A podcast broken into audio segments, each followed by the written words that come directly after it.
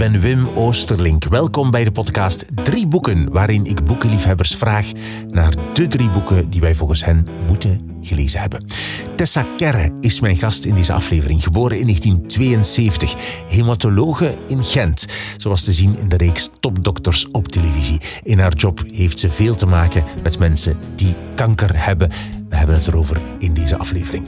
Zij en haar man zijn dol op boeken. Ze hebben beslist dat boeken een belangrijkere rol moeten gaan spelen in hun huis in Gent. Dus willen ze graag een grote boekenkast in de living. Tijdens mijn bezoek stonden de boeken nog over het hele huis verspreid. Ons gesprek gaat over haar oerboek. Het boek dat ze als kind in de hangmat bij haar ouders thuis las en dat haar hele leven bij haar bleef. Het boek waarin ze bij het herlezen ontdekte dat de droom van haar job erin beschreven staat. Over het vaste boekenkoopritueel van haar en haar man op zaterdag voormiddag. Over lezen op reis en op vakantie. Over familiekronieken, over dikke kanjers en vooral over een enorme passie voor boeken. Check wimoosterlink.be voor de show notes bij deze podcast. Alle info over de aflevering, de drie boeken die mijn gast kiest en alle andere boeken die we noemen in de aflevering. Als je een boek wilt bestellen, doe dat dan liefst via de link op de website. Dan heeft de podcast daar ook nog iets aan. Er is ook een nieuwsbrief drie dingen. Die gaat hand in hand met deze podcast. Daarin krijg je de achtergrond van de podcast van deze week. Je krijgt extra boekentips, regelmatig persoonlijke dingen ook. En je hoort het als eerste als er opnames van de podcast voor publiek zijn. Geef je e-mailadres even door op wimoosterlink.be en je krijgt een nieuwsbrief gratis elke week in je mailbox. En dan nu veel luisterplezier met de drie boeken die je moet gelezen hebben volgens Tessa Kerre. Ja, ik heb een beetje opgeruimd, want ik, ik, ik, ja, ik ben een trouwe luisteraar van uw podcast. Ik heb ze nog niet allemaal beluisterd, maar toch ruim meer dan de helft. Uh, dus ik weet ondertussen al dat er dan ook een foto genomen wordt voor de boekenkast. Uh, en er zijn heel veel boeken in huis, die zijn een beetje verspreid over het huis. Uh, er staan heel veel boekenkasten in de gang. Uh, op Bruno zijn bureau staan er ook heel veel boeken, maar dat zijn vooral zijn boeken.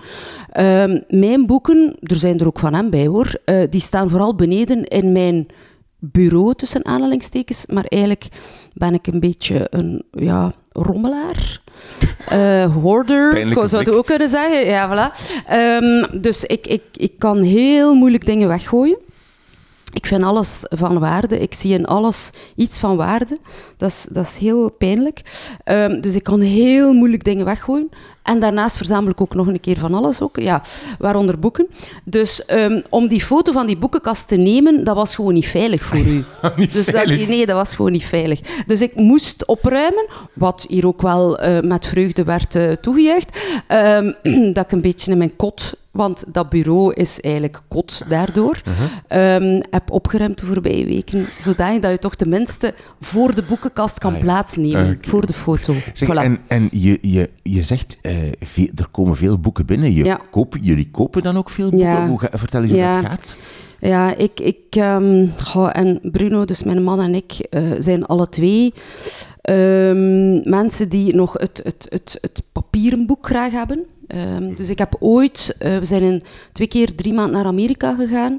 En uh, ja, als je zoveel boeken leest, dan kan je niet zoveel boeken meenemen voor drie maanden. Uh, dat gaat gewoon niet. En we hadden dan nog onze zoon, die las ook dan, allee, leest nog altijd, maar die was toen acht en tien jaar respectievelijk. Dus die las ook heel veel. Dus dat was gewoon, ja, we moeten wel een oplossing zoeken. Um, want als je dan boeken koopt, wilde die ook meenemen natuurlijk. Dus ja, het, was, heeft ook geen zin om daar te veel boeken te kopen. Dus dan hebben we wel uh, een e-reader gekocht. Maar dat was eigenlijk, dat is handig. Hè? Ik geef dat toe en zeker op het vliegtuig bijvoorbeeld. Of inderdaad, als je zo voor langere periode weg bent. Maar die is daarna dan toch niet meer zoveel nee. gebruikt. Nee. Dus het blijven fysieke boeken die je blijven dan fysieke koopt? boeken. Ja, ja? Ja, ik, ja, vooral kopen, ja. Bibliotheek zeer, zeer zelden. Vroeger wel, hè. Veel naar de bibliotheek geweest. Maar nu, eigenlijk is het al zo dat het een beetje ziekelijk aan het worden is. Uh, hoe noemt dat nu weer in het Japans? Is het Sundoku of zoiets? Ja, dat is iets. Hè. Dat is eh, meer boeken kopen dan je kan lezen. Ah, ja. ja. Ehm, nu, ja, het is niet zo'n ernstige ziekte of zo, maar uh, het heeft wel gevolgen voor het huis en voor... Uh, ja. En veel mensen vragen dan, maar leesde jij dan al die boeken? Ja, dat kan natuurlijk niet. Ja, kan ik die allemaal lezen?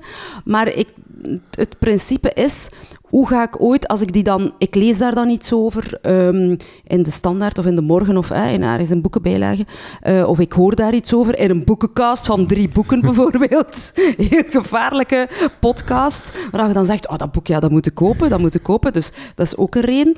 Um, en dan, ja, ik ga dat anders nooit onthouden natuurlijk. En dan wil ik die boeken, ja. Maar... Um, die stapelen zich dan op, want ik kan natuurlijk geen ja, zoveel boeken lezen als dat ik koop.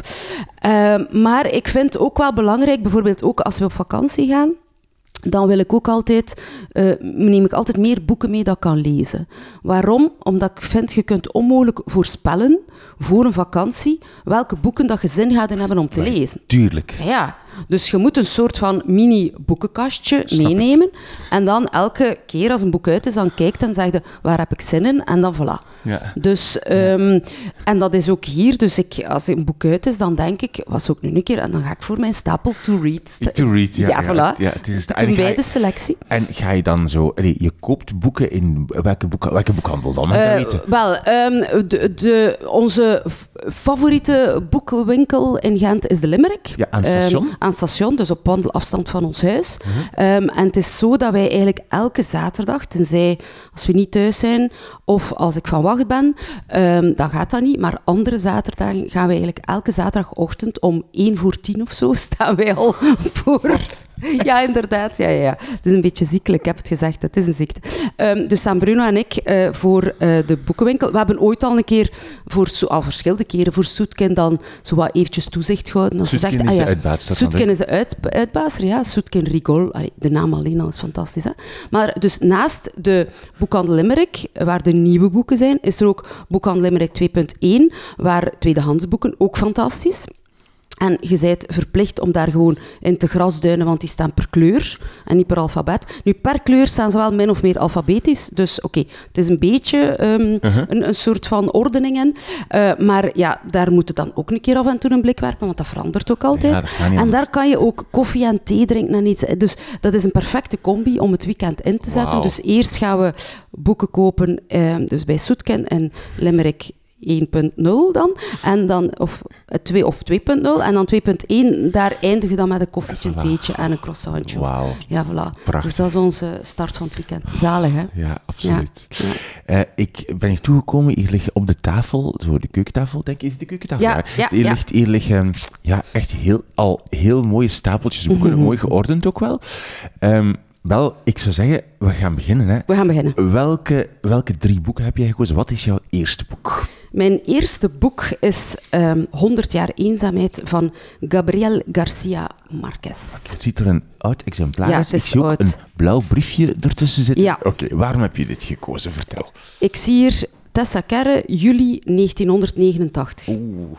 Dus ik schreef vroeger, ik doe dat niet meer, uh, in mijn boeken telkens uh, de, de, het moment dat ik dat boek gekocht had. Dat je gekocht hebt, ja. ja. Okay. En, en meestal toen, had ik hier nog niet zoveel boeken, las ik dat ook kort nadien uit. dus ik heb het effectief gelezen in de zomer van 89. Voilà. Dus en, 16 jaar was ik toen. Ja. En, ja. en wa, wa, waarom, waarom is dat zo bijgebleven? Ja, dit boek moest... Uh, ik heb heel lang getwijfeld en het was heel moeilijk om die selectie te maken. Maar dit boek uh, ja, moest erbij. Dat was gewoon geen twijfel over. Dat is echt het boek voor mij. Um, mijn oerboek, um, zeg ik dan. Uh, en ik heb dat eigenlijk maar beseft, te gronden beseft, uh, toen dat ik een paar jaar geleden was er zoiets als belezen wetenschappers aan de universiteit. Um, en ik denk dat de eerste jaargang, of misschien de tweede, ik weet het niet meer, alles sinds het begin van dat initiatief. dat was eigenlijk Pat Donné, die personeel, proffen, postdocs, uh, studenten van de universiteit, uh, een drietal samen uitnodigde, um, al dan niet rond een thema, en dan mochten we twee boeken meenemen en daarover een beetje vertellen. En naar aanleiding daarvan hadden ze mij geïnterviewd voor Durfdenken. En de vraag was, wat is uw oerboek? Oh, ja. En ik dacht, wat is mijn oerboek? En ik moest daar denk ik drie minuten over denken. En dan dacht ik, ah ja, 100 jaar eenzaamheid. Um, dus, en met daar dan verder over na te denken, besefte ik dat dat boek eigenlijk als een rode draad door mijn leven loopt. Um, en dat ik altijd teruggrijp naar dat boek.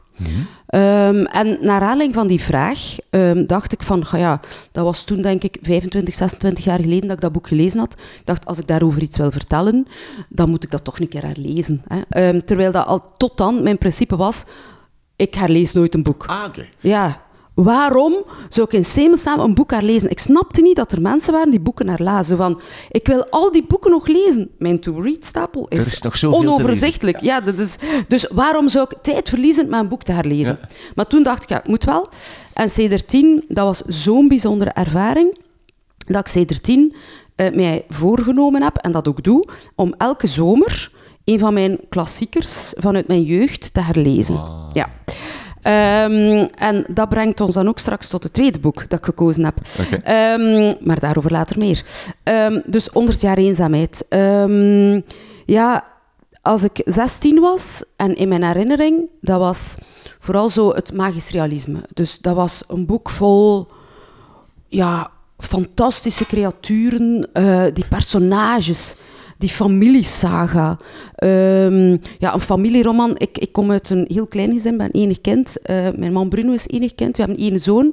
Dus als wij zo met um, vier generaties samen zijn, dan zijn we met zeven. Ja. Uh, nu dan Rie Liefje heeft met acht. Maar allee, dat is dus piep, piep, piep klein. Ja. Um, maar ik heb wel altijd zo verlangend gekeken naar zo grote families. En zo van die grote gezinnen, waar dat dan zo met mega lange tafels en dan hè, komen er altijd mensen binnenvallen en dan er staat altijd uh, eten te pruttelen op, uh, op de stoof. Zo. Ik weet het, dat is zeer nostalgisch en ik weet kijk ook wel dat er vaak ook boel is in die gezinnen en zo. Maar enfin, mijn, mijn beeld van grote gezinnen is zeer romantisch. En, en, en dan, ja, zet u bij en altijd gezellig en verhalen vertellen en ja. En dat beeld komt misschien wel uit 100 jaar eenzaamheid. Dus dat, die, die, die, die familie, die wonderlijke verhalen, die, die figuren, ja, de fantasie die daaruit brubbelt, dat is onvoorstelbaar. Ook de sterke vrouwenfiguren daarin. Hè. Dus ja, mijn, mijn favoriete uh, figuur uit het boek uh, is Ursula. Dus het is eigenlijk, ja, het, het vertelt het verhaal van um, twee... Um, mensen die eigenlijk een, een, een nieuwe stad stichten. Hè? Man en een vrouw. Um, de, um, het is ook heel moeilijk, want in gans die familie, de mannen hebben twee namen eigenlijk. José Arcadio en Aureliano. Dus dat zijn de twee namen en die komen dus in al die generaties. Dus oh. heel boeiend. Dus, het is, en, en, dus er zit gelukkig ook aan het begin zo'n stamboom, ja, waar dat je dan wel altijd moet hè, een beetje terug, teruggrijpen. Maar de eerste stamvader, hè, José Arcadio Buendia, of Buendia en Ursula, uh, de stammoeder, die um, stichten dus ja, een gezin, die stichten ook een stad en een rivier en uh, Macondo. En dat was echt zo in mijn herinnering en in mijn beleving toen, want ik, ik zie mij nog in mijn hangmat liggen en dat boek lezen. Ik heb echt nog een levendige herinnering en dat ik zo echt op het einde zo... Nee, het mag niet uit zijn, het mag niet uit zijn, ik wil hier nog, ik wil nog... Uh. En, en zo, ja, die dingen zoals een regen van gele bloemetjes en de, de, de zwarte vogels die dan uit de lucht vallen op een bepaald moment. Um, Ursula, die, ja, die, die leeft 100 jaar of nog meer en die wordt dan zo klein, die krimpt altijd maar, die wordt dan zo klein dat haar achter, achter, achter kleinkinderen haar meevoeren in een klein, eerst dat in een, in een kinderwagentje en om een duur is dat zo een, een luciferdoosje. Allee, en ik ook een luciferdoosje met zo'n klein over, over, over grootmoedertje. Zo. Allee, dus oh, de fantasie die dat ja, naar boven bracht, echt fantastisch. En waarom zeg je, je zei oerboek, hè? Dus je zegt van, het kwam eigenlijk door heel mijn leven, is dat, zo, is dat een rode draad geweest? Zo, maar, maar op welke manier dan? Ja, ik denk altijd als er zoiets is dat ik mijn fantasie laat werken of dat ik aan iets denk, dan, dan kom, kom ik terug op dat boek. Uh, bijvoorbeeld, en ik was dat dus ook vergeten, um, want ik heb mijn doctoraat nog een keer bovengehaald. Ik moet eerlijkheidshalve zeggen, Bruno heeft het gezocht. Ik heb op mijn bureau in Tuzet gezocht. Ik dacht dat er daarin lag. Ik vond het niet onmiddellijk. Nu, daar is het ook niet altijd even proper opgeruimd. um, en Bruno zei, ja, maar ik weet, ik weet die liggen, ik weet die liggen. Dus en gisteravond heeft hij onmiddellijk een exemplaar gevonden. Van die doctoraat, ja. Van mijn doctoraat. En wat zie je op de eerste pagina, dus net voor de titel, een stuk uit een quote Marquez. Uit, ja. het, het, boek. Wauw, oké. Ja. En dat is dus van 2002, hè, denk ik. Ja. Als ik me goed herinner. Ja. Um, dus, en toen dat ze mij vroegen voor dit, dacht is dat maar na een hele tijd teruggekomen van hé, hey, maar ik heb dat, als ik dan aan het herlezen was, maar ik heb daar een quote van gebruikt die het gaat over iets helemaal anders. Een van de figuren in het boek is, uh, probeert goud te maken, is een soort van uh, goud te vermenigvuldigen. Mhm. En hij doet een soort van techniek daarvoor, maar dat mislukt altijd. En ik vond dat een heel mooie vergelijking met wetenschappelijk onderzoek, waar dat je ook probeert iets te vinden. Je hebt een hypothese, je probeert iets te doen voor allerlei uh, dingen te combineren en te zoeken. En, te, en, en, heel vaak mislukt dat ook. Zoals bij hem ook. Hè, want hij houdt dan op het eind... Hij begint met goud en hij houdt zo wat brol over. Dus het mislukt grandioos. Um, en ja, dus dan bijvoorbeeld... Hè, je schrijft dan dat doctoraat. Wat heeft dat te maken met een boek dat je... Allee, 100 mhm. jaar bij wijze van, mm van, spreken geleden gelezen hebt, komt dat altijd weer terug.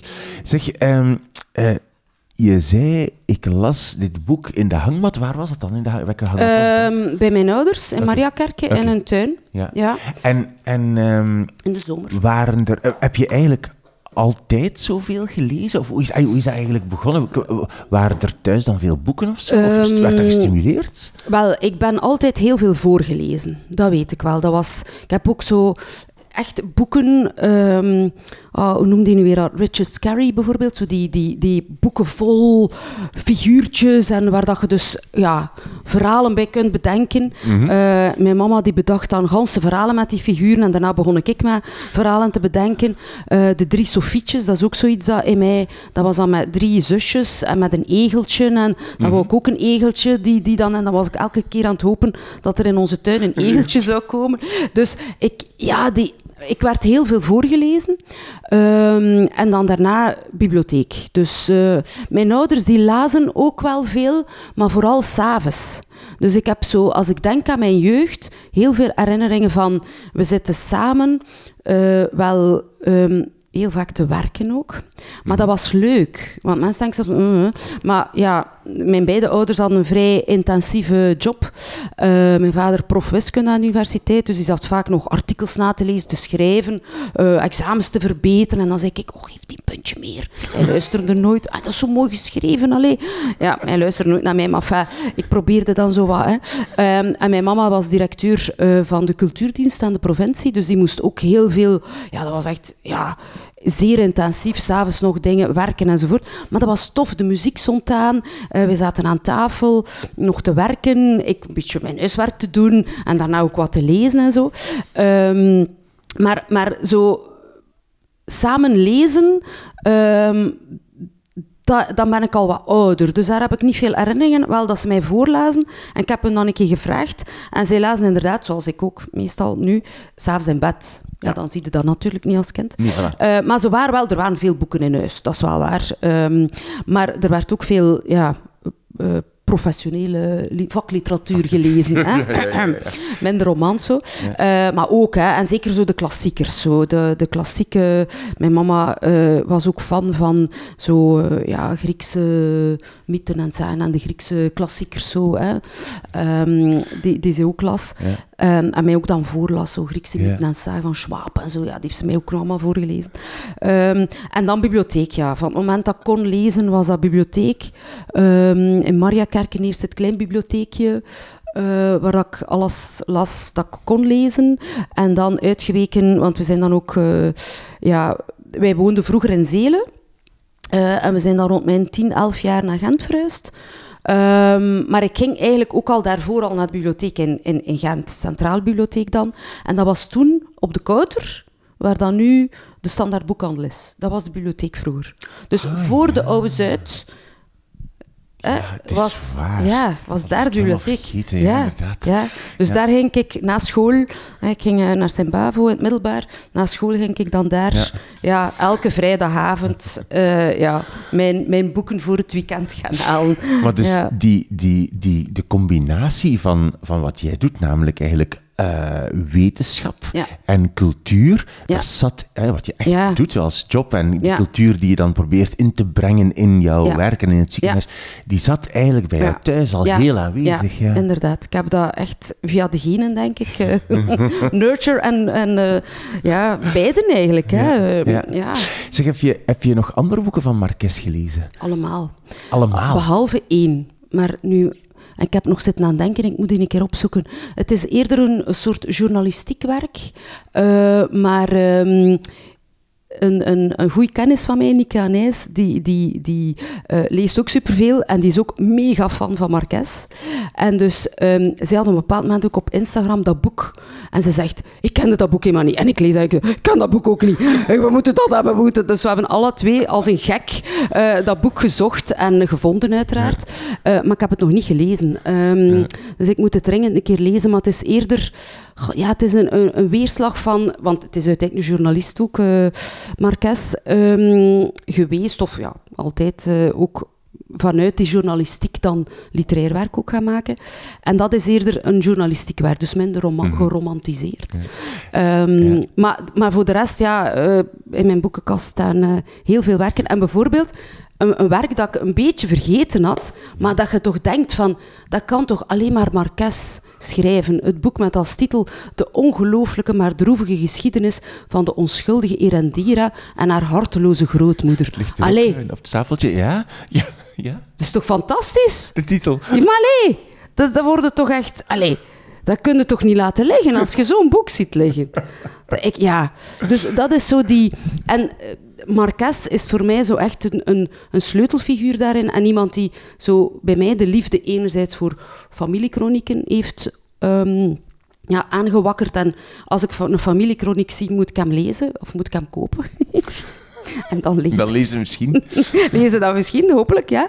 Ehm, maar ook zo die eh, Zuid-Amerikaanse literatuur die toch, ja, fantastisch is. Hè? En, en bijvoorbeeld een van de, eh, hier, Aurora Venturini? Ja. de nichtjes. Ehm, Aurora Venturini, ja. ja. dus dat is een, een, een, ja, een, een oude dame. Die heeft eigenlijk, ik denk dat ze bijna 90 was of zo, als ze dat eh, heeft eh, ingestuurd voor de Prima Ventura of zoiets. Enfin, een of andere Italiaanse ehm, prijs.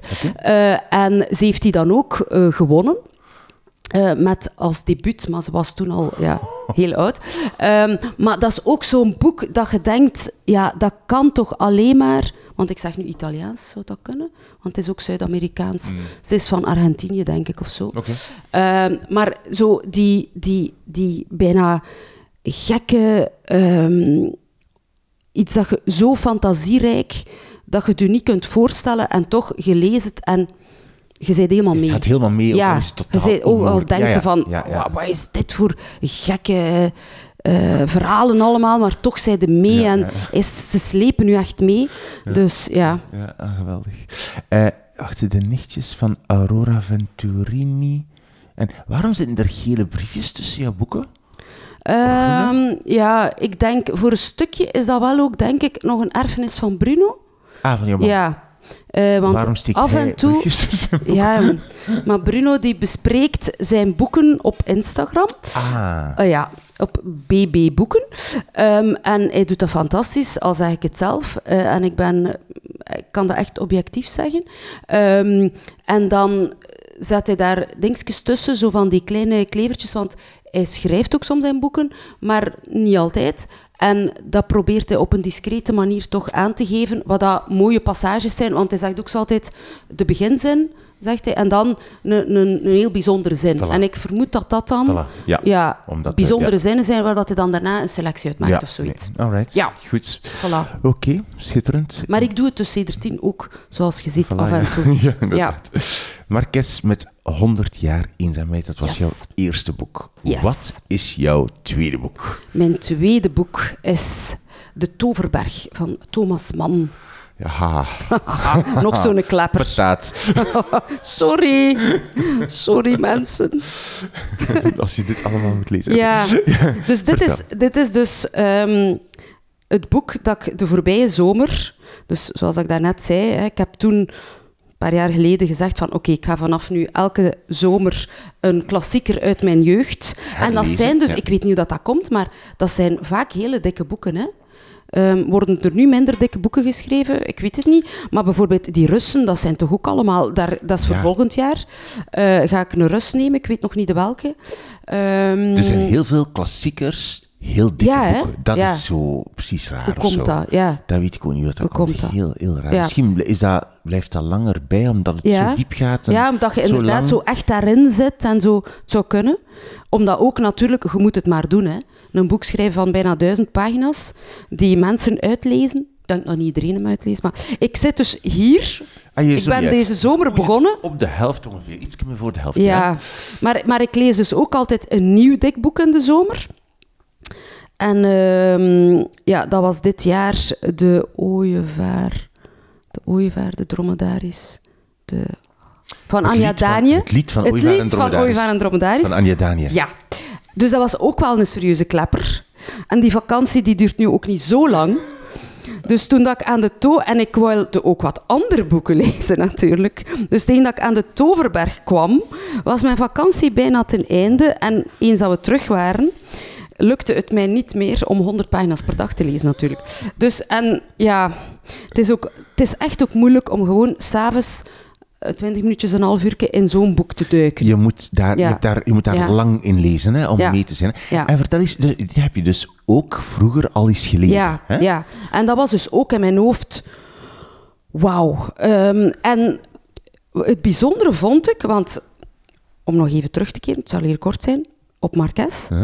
Als ik die herlas, was dat een totaal andere ervaring dan in mijn herinnering. Totaal anders. Mijn herinnering, eh, eh, die magisch realisme, dat trouwens Marques zei, dat is helemaal niet magisch realisme, dat is gewoon zo. Zuid-Amerika gebeuren die dingen. Punt. ja. Ehm, en trouwens, sorry, ik ben weer aan het uitweiden, maar dus het boek, ook een heel mooi boek, A Farewell to Gabo en Mercedes, van Rodrigo Garcia, zijn zoon. Aha, Ja, ja. Die ook, ehm, ja. scenario's schrijft voor ehm, Netflix-series en zo. Ehm, die heeft dus een boek geschreven over de laatste weken, maanden van Marques. En dus op de dag dat hij gestorven is, is er een zwarte vogel uit de lucht gevallen. Op de patio van hun huis. Dus, you know. It's, het is geen Dit is gewoon... Voilà. Ja. Maar dus, de tweede keer dat ik dat las, was dat boek eh, helemaal anders. Dat was heel donker, duister. Ehm, het, het, het, zo, dat lot dat die familie meesleept, dat, dat was een helemaal andere ervaring. En Is- ik dacht, hoe komt dat nu? Ja, ja. Is dat dan als 16-jarige, je hebt nog niet veel meegemaakt, het leven is hè, roze geur en maneschijn, hè, eh, je hebt alles wat je hartje begeert, alles gaat voor de wind. Je ligt hier in een hangmat in de zomer te lezen. Hè. Ik heb hem herlezen in de herfstperiode, is het dat? Ik denk het niet. Maar ondertussen natuurlijk ben ik wel hè, een veertiger die, allez, ondertussen 50, maar toen bij het herlezen was ik een veertiger, die toch wel het een en het ander al heeft meegemaakt. Gelukkig geen persoonlijke miserie, maar wel zeker in mijn job heel veel miserie gezien. Is het dat dat die boek, dat boek anders kleurt of een andere tint geeft? Ik weet het niet. Ehm, dus ik was ook zeer benieuwd naar de Toverberg. ja. Hoe gaat dat Hoe gaat dat zijn? in een tweede lezing zijn? Maar dat was helemaal hetzelfde. Dat is raar. Raar, hè? Ehm, het enige dat ik mij bedacht was... ehm, hoe, zee, of dat mij dat ook had eh, meegenomen in, mijn, in het feit dat ik geneeskunde wou doen of zo. Ik weet het niet. Ehm, want ik heb ook altijd zo'n droom gehad dat ik zo een, soort van...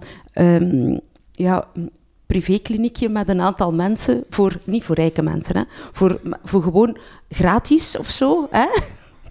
Want eh ja, ben ik helemaal tegen. Ehm, maar dus zo, waar dat je vooral die zorg voor de mens hè, zo belangrijk is. En dan zo, eh, dacht ik zo van ja, als er zo'n rijke mens en die heeft zo'n schone villa ergens op de buiten en met een tuin. En dan gaan we ook daar zelf groenten kweken, dat we dan gezond lekker eten kunnen maken voor die patiënten. Hè. En dan dacht ik van die een droom komt uit de Toverberg of zo. Maar wanneer die droom komt uit jou, toen je, toen je kind was of toen je jong was? Eh, je- nee, dan was ik al aan het geneeskunde aan het studeren Ah, en ja. aan het specialiseren. En zelfs nog, eh, die, die is er nog altijd een beetje zo. Ja, die dat, dat blijft zo. Ja, dat blijft ja. zo. En dan als ik dat daar las, en dat was ik een beetje kwijt, dacht ik van... Ja, dat is zo wat... Dat, staat sanatorium... dat staat daarin. Ja. Want dus, ja, het gaat over hè, een, een, een jonge man, hè, Hans Kastorp, die, een Duitser, die zijn neef gaat bezoeken in een sanatorium in Davos, waar dat er veel mensen met eh, tuberculose, hè, wat dat toen toch wel, hè, want we spreken over begin 1900 in de 20 dat dat eh, verschenen is. Heeft er twaalf jaar aan geschreven trouwens, eh, Thomas Mann. En ehm hij komt daartoe met de bedoeling om zijn neef te bezoeken drie weken lang, maar hij blijft daar zeven jaar. en dus, ehm, ja, je leert natuurlijk die, die personages, die mensen kennen die in dat sanatorium zijn. Er gaan er ook veel dood. Dus het is, en dat is ook zo een soort van heel bizar, want dat zijn allemaal heel zieke mensen natuurlijk. Ehm, het zijn geen sukkelaars, denk ik. Ik denk dat ze ook wel, want als je dan ziet eh, de prijs dat dat dan kost en, eh, om daar te verblijven, zo wat gelijk een hotel. Ik, ook heel bizar, want ze hebben daar... Ze eten daar zeven keer per dag of zo en allemaal met zeven gangen. Allee, het is wel heel bizar allemaal. En dan denk ik, maar als je zo ziek bent, dan kun je toch dat niet eten. Maar, dus er zijn wat rare dingen in. Maar het gaat ook wel over ehm, geneeskunde, over zorgen voor mensen, over dat persoonlijke. Hè, want de arts, de hoofdarts, kamerheer Berens, ehm, die ehm, woont daar ook. Hè, oh, in een villaatje, heeft zijn vrouw daar ook verloren. Hè, die, die, die, die is daar ook ooit verzorgd geweest. En die is dan daar gebleven en zorgt nu voor andere mensen. Dus zo dat persoonlijke in, in ja, het zorgen voor mensen. eh, ik ben niet altijd akkoord de manier hoe dat hij dat doet. Of zo. Enfin, maar het is niet dat mijn rolmodel is of zo. Maar er zijn zo bepaalde thema's die in dat boek komen, dat ik wel terugvind in, in ja, hoe dat ik probeer geneeskunde te doen, of zoiets. Ehm, en dat was ik helemaal vergeten. Het was zo vooral dat idee van ja, een sanatorium. eh, ja, ik, het is ook weer geromantiseerd, want dat is natuurlijk heel erg. Hè? Maar het is een geromantiseerde vorm van een sanatorium voor een stuk. eh, waar dat dan iedereen verplicht moet rusten. En dan in de koude onder een dekentje ligt. En ehm, ja, zijn, zijn zinnen. Want ik begon het te lezen en toen dacht ik... Ik had dan al van u een mailtje gekregen van ziet het zitten om. En ik dacht, ja, ik moet die pakken. Want die, die schoonheid van die taal, dat is toch ja, echt, echt ja, heel, heel bijzonder. Ja. Zo die zinnen en die, die sfeerschepping. En ook de... Ja, het, het boeiende is natuurlijk omdat er ook iemand ehm, in een wereld komt... En dat is eigenlijk, als, ik zeg dat ook vaak als arts, je wordt geconfronteerd met mensen, je wordt door het toeval, hè, door het lot bepaald, kom je in het leven van iemand. Hè. En je, zeker bij ons in de hematologie, het is niet zomaar even van 10 minuten per jaar. Nee, wij gaan weken, maanden en jaren. Het zijn mensen die ik al bijna 20 jaar volg. Dus je gaat mee met dat leven. Ik heb mensen die ik eh, liefjes heb leren, allee, leren kennen en eh, heb weten eh, trouwen en kinderen enzovoort, of kleinkinderen. En, allee, je, je, je, je, je loopt een beetje mee in dat leven en dat is ook wat hier gebeurt. Hè. Hij is daar, hij komt daar even op bezoek, maar hij blijft daar dan. En door al die mensen die passeren, die hun levensverhalen meebrengen, hun wijsheden, ja, de fantastische filosofische eh, discussies. Je leest dat ook niet op 1, 2, 3. hè. Dat, dat is corvée. Het is soms corvée, Ja, ja. maar zo boeiend. Ja. Ehm, ja, en dat is, als je dan bedenkt, dat is 100 jaar geleden hè, dat dat geschreven is. En dat is zo... Er zijn natuurlijk wat ja, dingen dat je zegt... mm, hè, maar zoveel ja, relevante zaken die daar nog ehm, in staan en dan op zo'n schone manier ges- beschreven. Ja. Mag, mag ik een stukje voorlezen? Ja? Zeker. Maar gewoon om een keer die zinnen zo... En ook de sfeer. Ik vond dat een mooi stukje. Ehm, je moet me maar zeggen als ik te lang aan het lezen ben, hè, want anders blijf ik maar doorgaan. Ehm, Hans Kastorp bleef tot laat in de nacht op zijn balkonloge boven het behekste Winterdal. Veel langer dan Joachim, die zich om tien uur, of in elk geval niet veel later, terugtrok. Zijn voortreffelijke lichtstoel met de driedelige bekleding en het sluimerkussen was tot vlak bij de houten balustrade geschoven, waarop een lange reep sneeuw lag. Op het witte tafeltje ernaast brandde de elektrische lamp en stond naast een stapel boeken een glas volle melk, de avondmelk die alle bewoners van de Berghof nog om negen uur op hun kamer bezorgd werd en waar Hans Kastorp een scheut cognac aan toevoegde om haar wat op smaak te brengen. Alle beschikbare afweermiddelen tegen de kou had hij al in stelling gebracht, de hele santekraam. Tot boven zijn borst zat hij in de dichtgeknoopte bondzak die hij tijdig in een speciaalzaak in het dorp had gekocht.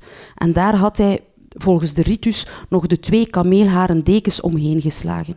Verder droeg hij over zijn winterkostuum nog zijn korte bontjasje, op zijn hoofd een wollen muts, viltlaarzen aan zijn voeten en aan zijn handen dikgevoerde handschoenen die overigens het verkleumen van zijn vingers niet konden verhinderen. Dat is Je ligt daar toch? mooi. Je ligt Ja, daar toch, hè? Het is zo Je ziet vol Ja, details en... oh, ja. Oh, dat zijn drie zinnen, hè? Schitterend. Dus ja. ja, het is, het is echt... Ik weet, het is, een, het is corvée soms, maar... ehm, en het is een dikke boek, Maar, dat houdt maar je het dus is niet tegen, wonderlijk. want, want wat je, de boeken die je tot nu toe kiest en waar je het over hebt, ook aan je Dani bijvoorbeeld, dat Ja. zijn wel, allee, dat zijn de, corvée is wel het woord. Voor veel mensen is zo boeken lezen, is dat echt gewoon Ontspanning. ontspanning, zo. En sommige mensen gaan zeggen van, ja, maar ja, ik wil niet dat dat corvée Nee, nee, nee. is. Ja, ik weet het. Maar het is... Allee, corvée bedoel ik mee... ehm, ja, het is niet dat je het, dat je het zo even uitleest, maar ehm, het is ook wel rewarding. Allee, voor mij is wel... ehm, Eh, wacht, ik kijk, wacht, ik kijk, uw man. eh, eh, ja, ik wil nog een klein beetje koffie, maar een halfje nog, alstublieft. Want dat je niet. eh het is nu aan het meeluisteren, eigenlijk. Ik, een beetje. Een beetje. Dankjewel. Dat is interessant. ik kan niet anders dan ja zeggen. Oké. Nee, ik kan ja, niet ja, nee, nee, dus het is wel rewarding, zeg je? Ja, ja, ja. ja, ja, ja, ja. Ehm, maar Ja, ja. ik geef wel toe, eh, en dat is ook wat ik daarnet zei. Eh, ja, ik ben zo iemand, ik weet niet wat dat is. Hè. Dat is zo wat dat Freud het Uber-Ich zou noemen. Ik heb altijd zo het gevoel dat ik moet. ehm, ja, ik, ik kan zo niet tegen allee, ledigheid. Ik noem dat ledigheid, Ah, dat ja. is niet zo. Hè. Maar ik moet dus altijd iets nuttigs ook een beetje doen. Ik weet het, ik leg mijzelf dat op. Ik weet niet van waar dat vandaan komt. Ik weet het echt niet. Maar ehm, zo bijvoorbeeld gewoon zitten en uw ja, gedachten laten dwalen.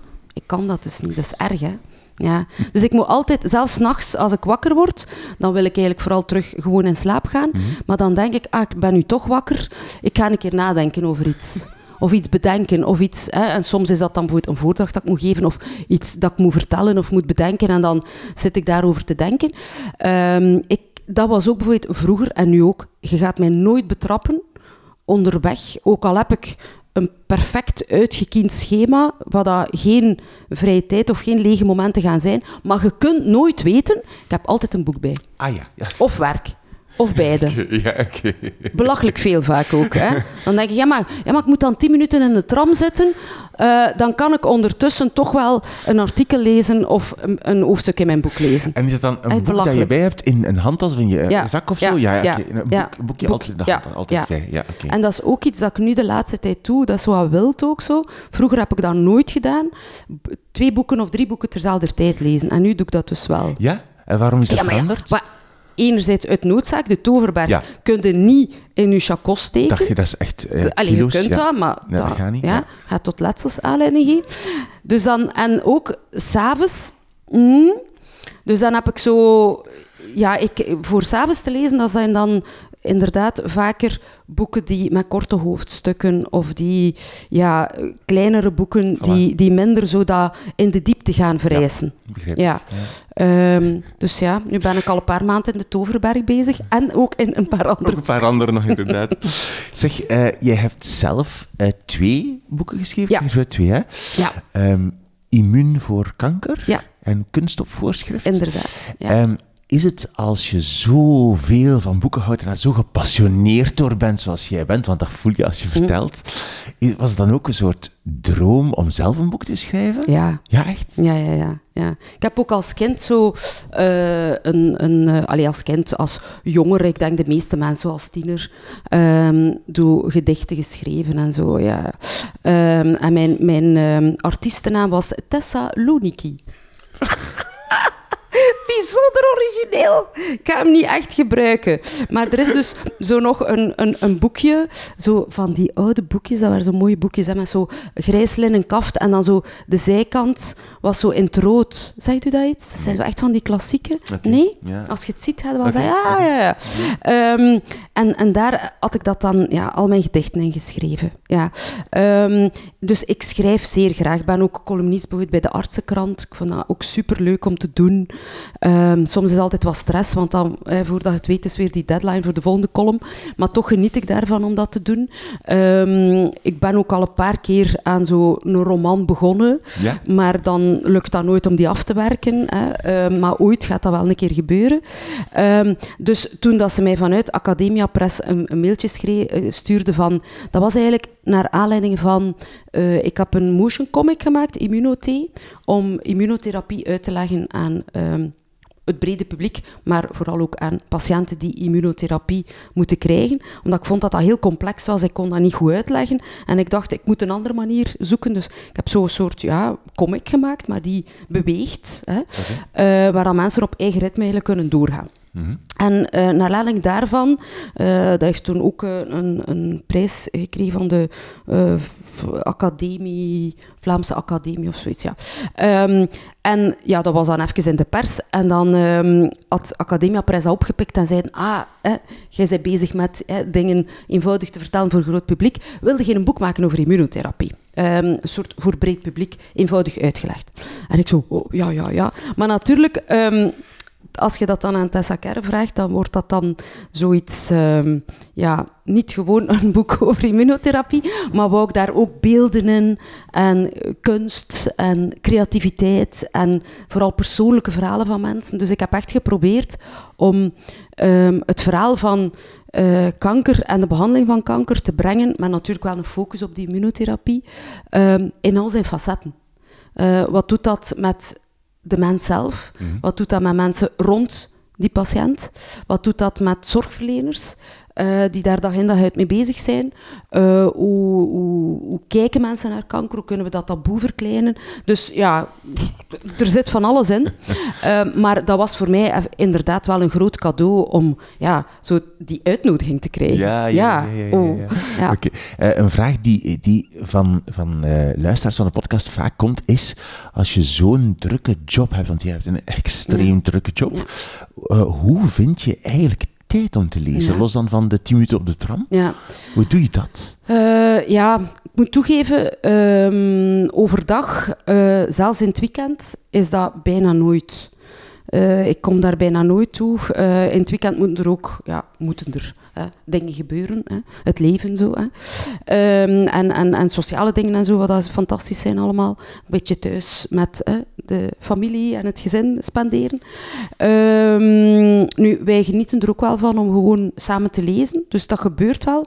Maar het is te weinig. Ehm, meestal is het s'avonds, dus de meerderheid van de boeken lees ik s'avonds en in de vakanties. Vakanties zijn voor mij, voor ons, echt wel leesvakanties. Dus dat is echt... allee, er zitten meer boeken dan kleren in ons valiezen. Eh, en eh, mijn ouders hebben een huisje in Frankrijk, in de Dordogne. En ehm, dat is echt dan... Daar, daar liggen ook al stapels boeken. Ik zeg, die mogen hier blijven. Een paar worden over en weer gesleurd, maar er zijn er ook die daar zijn, zodat ik daar altijd... Stel dat er onderweg iets gebeurt en je zei, je valies met boeken is verloren Zo geraakt of herkenbaar. Zo. Zo herkenbaar. Dan zijn er toch altijd boeken. En dus dat is echt wel, ja, dan, je kunt mij geen groter plezier doen dan een dag gewoon boeken lezen. En dan is dat echt zo die, die vreugde die, van het lezen die ik herken van in mijn jeugd. Hè. Zo echt die dagen die zo ehm, zich, zich uitstrekken, een beetje allemaal hetzelfde zijn, maar dat is zo leuk. En je weet, morgen is er weer een dag en, en dat is, ja fantastisch. En je staat morgens doe je ogen open en je dacht, oh, straks mag ik verder in dat boek. Zoals het achtste leven van de, de schrijfster wiens naam we niet kunnen uitspreken. Ja. Nina H. Punt, Ja, hè? ja. Ehm, dat was ook zo, dat, daarbij heb ik dat echt ook gehad. Zo die, die vreugde van zo een paar dagen in een boek te zitten. Eh, ook een familiechroniek trouwens. Hè. Eh, Zeg, en, ja, en heb je, fantastisch. en heb je het, het leesvirus ook doorgegeven aan, aan de zoon? Ja, ja, ik denk het wel. Ehm, Bruno en ik hebben alle twee ook veel voorgelezen. Eh, aan Henri. Eh, ik herinner mij trouwens dat hij op een bepaald moment zei: ehm, Mama, ga je mij blijven voorlezen tot ik volwassen ben? Oh. En ik dacht, oké, dit moeten we opnemen. Maar ja, natuurlijk no- nooit tot de volwassen eh, leeftijd geduurd. Want dan is hij zelf beginnen lezen. En bijvoorbeeld, ja, die, die, die, leest ook, nu ook wat minder natuurlijk. Hij is ondertussen afgestudeerd, zelf aan het werk, hij is aan het doctoreren. Zelf ook wiskundige ondertussen. Ehm, dus ja, dan beperkt zich dat ook. Maar in zijn jeugd, ik weet nog in Amerika bijvoorbeeld, dat wij dus een ganse valies hadden vol boeken. Want hij was toen acht en hij kon ja, nog geen Engels. En we gingen naar Amerika, dus dat was ook niet vanzelfsprekend. En de, e- het eerste jaar, denk ik, waren er nog geen Ik denk Ah, dat het ja. maar tweede jaar was, of toch niet zo. Hè? Eh, want mijn ouders zijn dan een keer gekomen en die hebben een nieuwe valies met boeken meegebracht. En dan de oude valies, die gelezen was, terug meegenomen. Dus, en wij waren daar drie maanden, dat was echt... Ja. En dan de tweede keer ehm, dacht ik, oké, eh, The Lord of the Rings. En ik bedoel, in het Engels. Hij was tien toen. Dus dan denkt je, daar gaat hij toch even mee zoet zijn. Ja. Ja, in het Engels. Oh my god. En dus na twee weken, denk ik, was dat uit. Wat? Ja. En Oh. dan waren we gelukkig in een... ehm, want nee, ik denk... Sorry, dat was nog niet in het Engels. Dat was in het Nederlands. Dat was in het Nederlands. Zo was het, sorry. En we waren daar in een huis dat we huurden van iemand. En die, die had ook veel boeken. En ehm, bijvoorbeeld alle Roald Dahl stonden daar. Die hij allemaal al gelezen had in het Nederlands. En dan is hij die allemaal in het Engels beginnen lezen. En zo is hij eigenlijk ja, heel vlot Engels beginnen lezen. En dan het andere was iets van Warrior Cats of zoiets. Ja, Warrior Cats, Ken- ja. Ja, ja, ik ken En dat was ook zo de eerste aflevering, allee, het eerste boek, denk ik, of de eerste twee boeken had hij in het Nederlands gelezen. En daar stond dan het tweede. En dan zijn we die beginnen kopen en heeft hij zo alle Warrior Cats in het Engels gelezen. Eh, en dan hebben we een e-reader gekocht, want dat was ook niet meer te doen. Ehm, dus ja... eh, dat, dat is duidelijk. eh, maar ja, hij is langs twee kanten begenadigd Ja, ja. met het leesvirus. Dus dat kon niet anders. eh, ja. Ja, oké, goed. We komen van jouw tweede boek, Thomas Mann, De Toverberg, de Yes. Kanjer. Wat is jouw derde boek? Kijk, een dun Een boekje. dun boekje? Waar gaan we dat Ja, ik dacht, ik dacht, ik kan die arme luisteraars, ik kan die dat niet aandoen. hè, dat ze dus twee, als ze zeggen ik wil een van die drie boeken lezen, dat ze twee- drie klappers hebben. Ehm, en het derde boekje is eh, Small Things Like These van Claire Keegan. Ja, in het Engels? In het Engels, ja. Ik ehm, probeer wel altijd, ehm, als ik de taal voldoende beheers, wat dan natuurlijk niet veel talen zijn voor alle duidelijkheid, die te lezen in de oorspronkelijke taal. Mhm. Eh, dus Engels ja, probeer ik inderdaad wel, ehm, Frans? als het niet moeilijk is. Ja. Dus hele moeilijke, complexe Frans, dat lukt mij niet. Ehm, Nog maar talen? Hm? Nog talen die we moeten Nee. weten? Nee? ik ben nu wel, ehm weliswaar met Duolingo, maar ja, hè, ik, heb ook wel een zware job en zo, en ik lees dan ook nog veel. Ehm, Spaans aan het leren. maar dat is dus echt, ik ben Spaans aan het leren. Waarom Spaans? Het is een wereldtaal natuurlijk ook, maar omdat ik ooit 100 jaar eenzaamheid in het Spaans zou willen Echt lezen. serieus, maar ja, wat dat is echt mijn doel. bedoeling. Maar, ja, Maar ja, ik maar denk dat- dat wel zeer ambitieus het, is. Want, Ja. ja, maar goed, Ja. ik wil dat nu Maar ja. niet, demotiveren. Maar, Maar, dus de maar titel snap ik al. Cien años de soledad. Ja. Dus ik kan, ik kan de denk- titel al. Ik denk dat, ik denk dat het goed komt. Komt goed. Nee, maar ik zal, ik zal minstens 90 zijn. Claire Keegan, Ehm, waar komt dat Claire vandaan? Keegan, dat ja. Gekocht in Limerick? Gekocht in de Limerick. Ja. Eh, prachtige cover ook. Ja. Soms koop ik boekjes ehm, op de cover. Ik weet niet of dat bij dit zo was. Ehm ik herinner het mij niet meer. Het zou kunnen, want het is echt een super, super schoon boekje. Is dat een strand? eh, ding? Eh, nee, het is eerder zo een soort? Rubens, acht, Oh. Rubensiaans. Eh, zou dat erop staan van waar dat, dat komt? Ehm, Zo, ik zie gewoon een vogel. maar het is een, en- het is een, een ziet het, het is zo'n soort Rubensiaans landschap. Hè? Ah ja, de, zo met ijsschaatsers en- lucht. Ja, Ah ja, oké. Nee, oké. Ja, inderdaad. Oké. Ehm, Maar dus ja, prachtige, prachtige cover. Eh, en dan die titel, hè. Small Things Like These. Dat is toch fantastisch, hè? Wordt trouwens, ze zijn bezig met verfilming, hè? Door een Vlaming. Tim Milans? Tim? Milans. Ja? Is, eh, ja, ja, ja, oké. Ja. dus die is Ah. aan het verfilmen. Ja, dus kijk er enorm naar uit.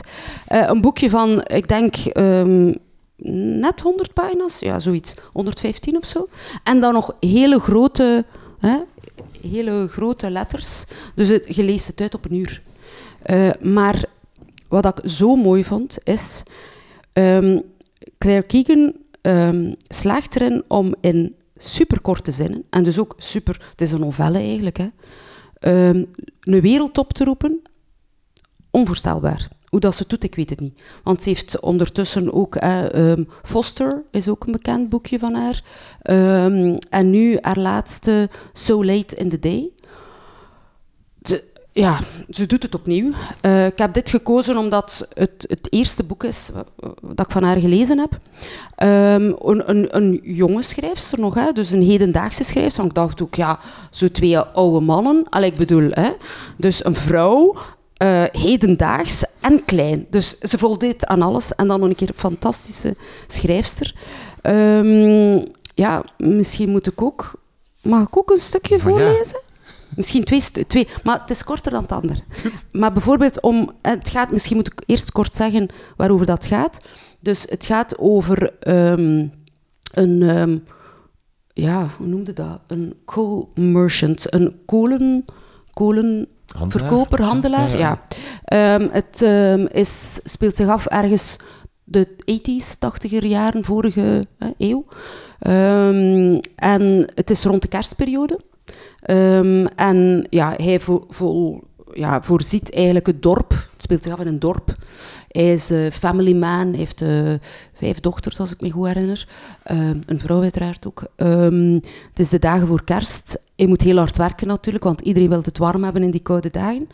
En op een bepaald moment eh, doet hij een levering aan een klooster en doet hij daar een ontdekking. Ik ga niet zeggen wat.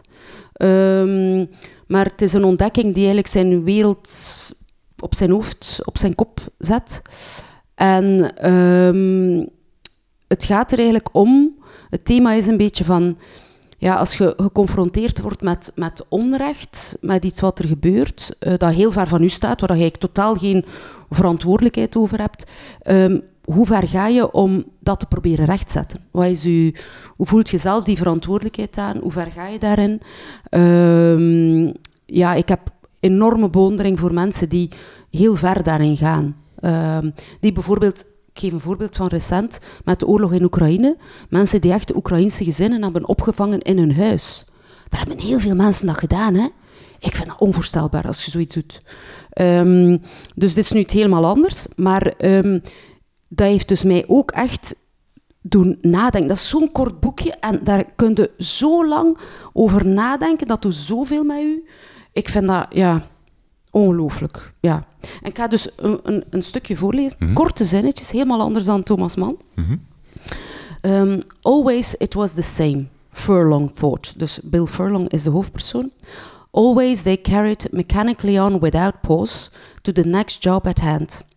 What would life be like, he wondered, if they were given time to think and reflect over things? Might their lives be different or much the same, or would they just lose the run of themselves? Ehm, dus ja, over de jachtigheid van het leven, eh, over ehm, ja, tijd.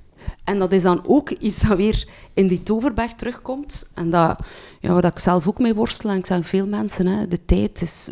Hoe komt het toch dat tijd het kostbaarste goed is geworden in onze samenleving? Gewoon tijd. Tijd om na te denken, tijd om in de diepte te gaan, om een boek te lezen. Om Alles moet snel, moet, want je wilt zoveel. En, terwijl dat je toch zou denken, we hebben nu zoveel dingen die ons helpen. Vroeger moest iedereen alles zelf doen. Nu heb je de machines die dat doen, die dat doen. En toch hebben veel minder tijd dan vroeger. Hè? Ehm, dus dat zijn zo, eh, dat zijn, zo een paar Ja, zinnetjes. en zo filosofische bespiegeling op een paar, dat je doet nadenken op een Echt paar zinnetjes ja. ongelooflijk. Heb je nog iets? Eén zin, één zin. Maar gewoon de schoonheid hè, Ja. van die ene zin. Some women with headscarves were saying the rosary under their breath, their thumbs worrying through the beads. Their thumbs worrying through the beads. Ik snap het niet. Worrying Dus, through the ja, dus het, gaat over vrouwen die de eh, eh, rozenkrans Ah ja, aan het zeggen zijn, in de kerk aan het bidden zijn. Ja. Met dus die, die, die beads, die kraaltjes van de rozenkrans. En dan, ja, their thumbs worrying through the beads. Ja, oké. ja. Oh, Die, allee, dat zijn een paar woorden, maar wat dat, dat zegt... En dat, dat is, dus ja, het is ongelooflijk. Echt super, Ja. super, super mooi. En heb je Ja. dan, zoek je dan de rest, zoek je dan, want je noemt Ja. nog andere titels van haar, dan als je dat gelezen hebt, dan ga je meteen op zoek naar andere, ja, andere, Eh, tot nu toe ehm, heb ik nog niet teruggekeken. Allee, dan zie ik Foster liggen en zeg ik, "Ah," of nu die nieuwe, "Ah," dan wil ik die. Eh, maar ze heeft wel nog meer ge- geschreven dan dit. Ehm, Ik denk dat ze er, ja, en ik moet wel zeggen, ja, ik zou ze graag wel allemaal lezen. ja, ja. Ja. Ga je dan ook op zoek naar wie die, wie die vrouw is, die schrijft? Een beetje wel zo, ja. Eh, omdat mij dat zo intrigeert van... Hoe, ja, wat is uw achtergrond? Ehm, ze is, ja, het is een Ierse, maar nu zit ze in... eh, waar zit ze? In Cambridge. Ze is ook prof aan de universiteit. Eh, ze schrijft ook... ik denk dat ze ook literatuur doseert. Oké. Ehm, maar ik, ik ben wel ook grote fan van ehm, biografieën. Van, ja, ja, ja, ja. Ja, ik lees dat wel heel Ja, graag. bijvoorbeeld, geef voorbeeld van, van, van Ehm, men- ja, van er schrijvers bijvoorbeeld. Allee, Thomas Mann en Marques, daar heb ik eh, Ah ja, heel... heb je ook ja, ja, ja. En bijvoorbeeld Thomas Mann, dan heb ik ook ehm Heinrich Mann en Golo Mann en ja, Hans zijn familie. Ah, Dus ik heb dan die biografie gelezen en dan, ah, die schreef ook, die schreef ook. Rup, allemaal, allemaal gelezen. Ehm, en van Marques ook. hij heeft dan ook een autobiografie geschreven, die heb ik ook gelezen. Eh, bijvoorbeeld ook van, dat was ook in mijn jeugdjaren, eh, was ik grote fan van Pablo Neruda. Ehm, dus ik beken, ik heb geleefd, ook van Mathilde Urrutia, dat was zijn vrouw, die, die schreef dan ook een boek eh, over hem. Dus d- die biografieën en dan dat terugvinden in die boeken, zo, dat echt in die schrijver duiken, zo in dat leven, in die boeken, in die... Ja, dat vond ik wel ja, super, super. Maar ook bijvoorbeeld van, gelijk Frank Lloyd Wright, ik ben ongelooflijk fan van Frank Lloyd Wright. De, de architect. Ja, de architect. eh, ja, daar heb ik ook alles wat dat over hem geschreven is. Heb ik, allee, alles, maar heel veel boeken. Ja, toch een Ja. viertal biografieën of dingen of zo. Ja, ja, ja. Dus ik, ja, dat lees ik wel heel graag. Zeg, hier ligt ja. nog ehm eh, Chimamanda Ngozi Adichie ligt hier nog, Ja. en ook Olga Tokarczuk Ja, ligt hier. dat is het boek waar dat ik... Ja, dus ehm, ja, Notes on Grief, ja, dat is zo'n beetje een boekje ehm, dat ik heel mooi vind. Eh, het gaat over rouw. En hij zegt rauwe rouw. Eh, het gaat over eh, haar vader die eh, gestorven is. Ik ga voor- even zeggen, dus Grief Ja. is van Chimamanda Ngozi Adichie, Yes. waar die ook De al ter sprake kwam in de podcast. oké? Ja. Americana en zo. Ook Voilà. dikke boeken geschreven. Dit is een heel kort boekje, waarin dat ze eigenlijk haar rauwe, rouw, dus A-U en O-U, ehm, beschrijft bij het overlijden van haar vader. En als ik dat las, ja, ik word ook hè, in mijn job heel vaak geconfronteerd met rouw en verdriet en zo. En als ik dat las, dan dacht ik van, ja, als mijn vader ooit sterft, dan ga ik mij zo voelen. Zo Ah, die, die, ja. ja, dat was echt, ik, ik kon me dat heel goed voorstellen zo. En als ik dat zei aan mijn vader, zei hij, maar je moet niet wenen als ik sterf. ik heb een mooi leven gehad, Oh. don't, don't cry. Ehm, maar wat ik trouwens vroeger, doet er mij ook aan denken, eh, als er iemand weende, dan zei ik altijd, niet wenen, de Tessa zal wel wenen. Als ik klein was. Ik was een soort ja, belachelijke empathie zo van. soort ja, opvangen ik zal wel rouw. Ik ja, neem dat op mij. Geen probleem, ik, doe het wel. Ik zet het aapje op Ja, mijn schouder. Geen probleem. Ja? Ja, ik zei dat. En Maar- Olga Tokarczuk, ja, waar- dus, want dit ben ik nu aan het lezen. Ehm, dus Olga Tokarczuk is... Ja, ik ben super grote fan van haar. Hè. Dus zij heeft een paar jaar geleden de Nobelprijs Nobelprijs. gewonnen. Op jonge leeftijd. Een Poolse schrijfster. Ik heb van haar nog maar één boek gelezen. ehm, de Rustelozen. Fantastisch. Ik verstond er eigenlijk geen bal van. Ja, het, is, het was echt... ehm, het is zo'n complex boek met ongelooflijk veel personages en verhaallijnen die allemaal door elkaar lopen. En je begint te lezen en je denkt, maar wacht, wie is dat nu? Want in het begin worden er wel wat personages hè, geïdentificeerd en het gaat ook over de rusteloosheid, het jachtige leven en zo van deze tijd. Maar op een of andere manier, want er zijn veel mensen dat het, allee, die het lezen en dan zeggen van... I hate it. Ik, wat voor een kutboek is dat nu? Maar bij mij, ik snap niet waarom, maar ik was helemaal mee en ik dacht... I don't care dat ik niet mee ben. Maar dit is zo schoon geschreven. En ik, ik, het is niet erg dat het misschien over een dienen gaat of over de dienen, want hoeveel gelijkenissen zijn er ook tussen mensen en dat is ook wel oké. En ik doe gewoon mee en ik, ik Ja, laat mij meeslepen in dat gaan verhaal. en- ja, ja, ja. En de, maar zo schone zinnen ook en zo origineel. Want uiteindelijk, als je veel leest, heb je toch wel soms dat je denkt... Oh, ik heb dat al een keer ge... Allee, hè? toch? Uh-huh, Maar zij is zo origineel. Pardon, ik moet ervan... Ik moet ervan... eh, ik ik ver- verslik mij mijn eigen speeksel ervan. Ehm, en dit is, je gaat het niet geloven, maar dit is een feministisch antwoord op de Toverberg. Ma. Ja, net En uit. Hoe heet het? Heet. Ja. Maar is dat... ik Ja, nee, het nee, nee, impusion, nee. Het is ook het is Nederlands. Empusion. Empusion. Zo, Empusion. ja. Empusion. Oké, En in het Pools is het ook zo. oké. En in het Engels is het ook zo. Is Empusion een dan. naam dan of zo? Ja, ik weet nog niet Dat wat dat betekent. Ja. Ik ga het nog ontdekken, want ik zit aan pagina te gaan. 29. Maar het is dus ook over een jonge man die sukkelt met zijn gezondheid en aankomt in een kuuroord, in een sanatorium. Ah, voilà. Dus het is echt...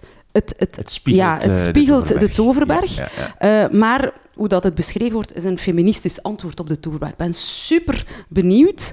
Maar ja, het is weer zo schoon geschreven. Ja, het is echt ook... Dus ik kon niet laten om er ook bij te leggen. Ja, gezien de... Want ik wist dat helemaal nog niet, als ik de Toverberg koos, dat dit ging uitkomen Ah, en dat dit ging beginnen lezen. Voilà, en is Bruno is daarom geweest in een weekend dat ik van wacht was en niet naar de Limerick kon. Maar dat lag daar en ik dacht, ik moet dat boek hebben. Dus dan is Bruno heeft zich opgeofferd Oh, om dat boek te gaan kopen voor mij en ben er nu dus in begonnen.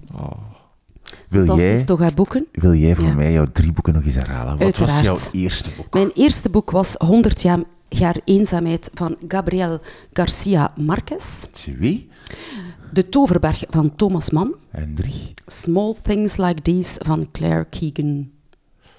Wat vond je ervan van het gesprek? Het was oké. Ik had er een beetje stress voor op voorhand, want het was helemaal Wa- niet nodig. Hè? Waarom had je niet Ik stress? Ik, het snap niet. echt totaal Ik niet. Dat het je niet zoveel... Ik weet het niet. Maar niet echt veel stress, Nee, maar toch beetje. zo, ja, van dat ik uit mijn woorden ging komen en voldoende mijn passie voor boeken ging kunnen overbrengen. Is dat gelukt, denk Dat is je? gelukt, denk ik. Ja, ik denk Alright, wel. Ja, ja. voilà. voilà. Je hebt beloofd dat ik nog eens naar jouw boekenkasten mag Ja, gaan kijken. Hè? Ik ga Inderdaad. dat doen. Is het goed ja, ja, ik de absoluut. belofte... dan, eh, Boekenkasten, ja. en ik zet de foto dan op de site en op Instagram. Yes, zeer goed, zeer goed. Dank je wel voor jouw enthousiasme en jouw boekliefde. En het is Met echt veel geweldig. Dank je wel. Met veel plezier. Dank u wel, Wim. Dit was mijn gesprek met Tessa Kerren. Na onze babbel kreeg ik een rondleiding langs alle boekenkasten die overal doorheen het huis staan. En bleef ik nog lang napraten met Tessa en haar man over boeken, over boeken en over boeken. Vooral.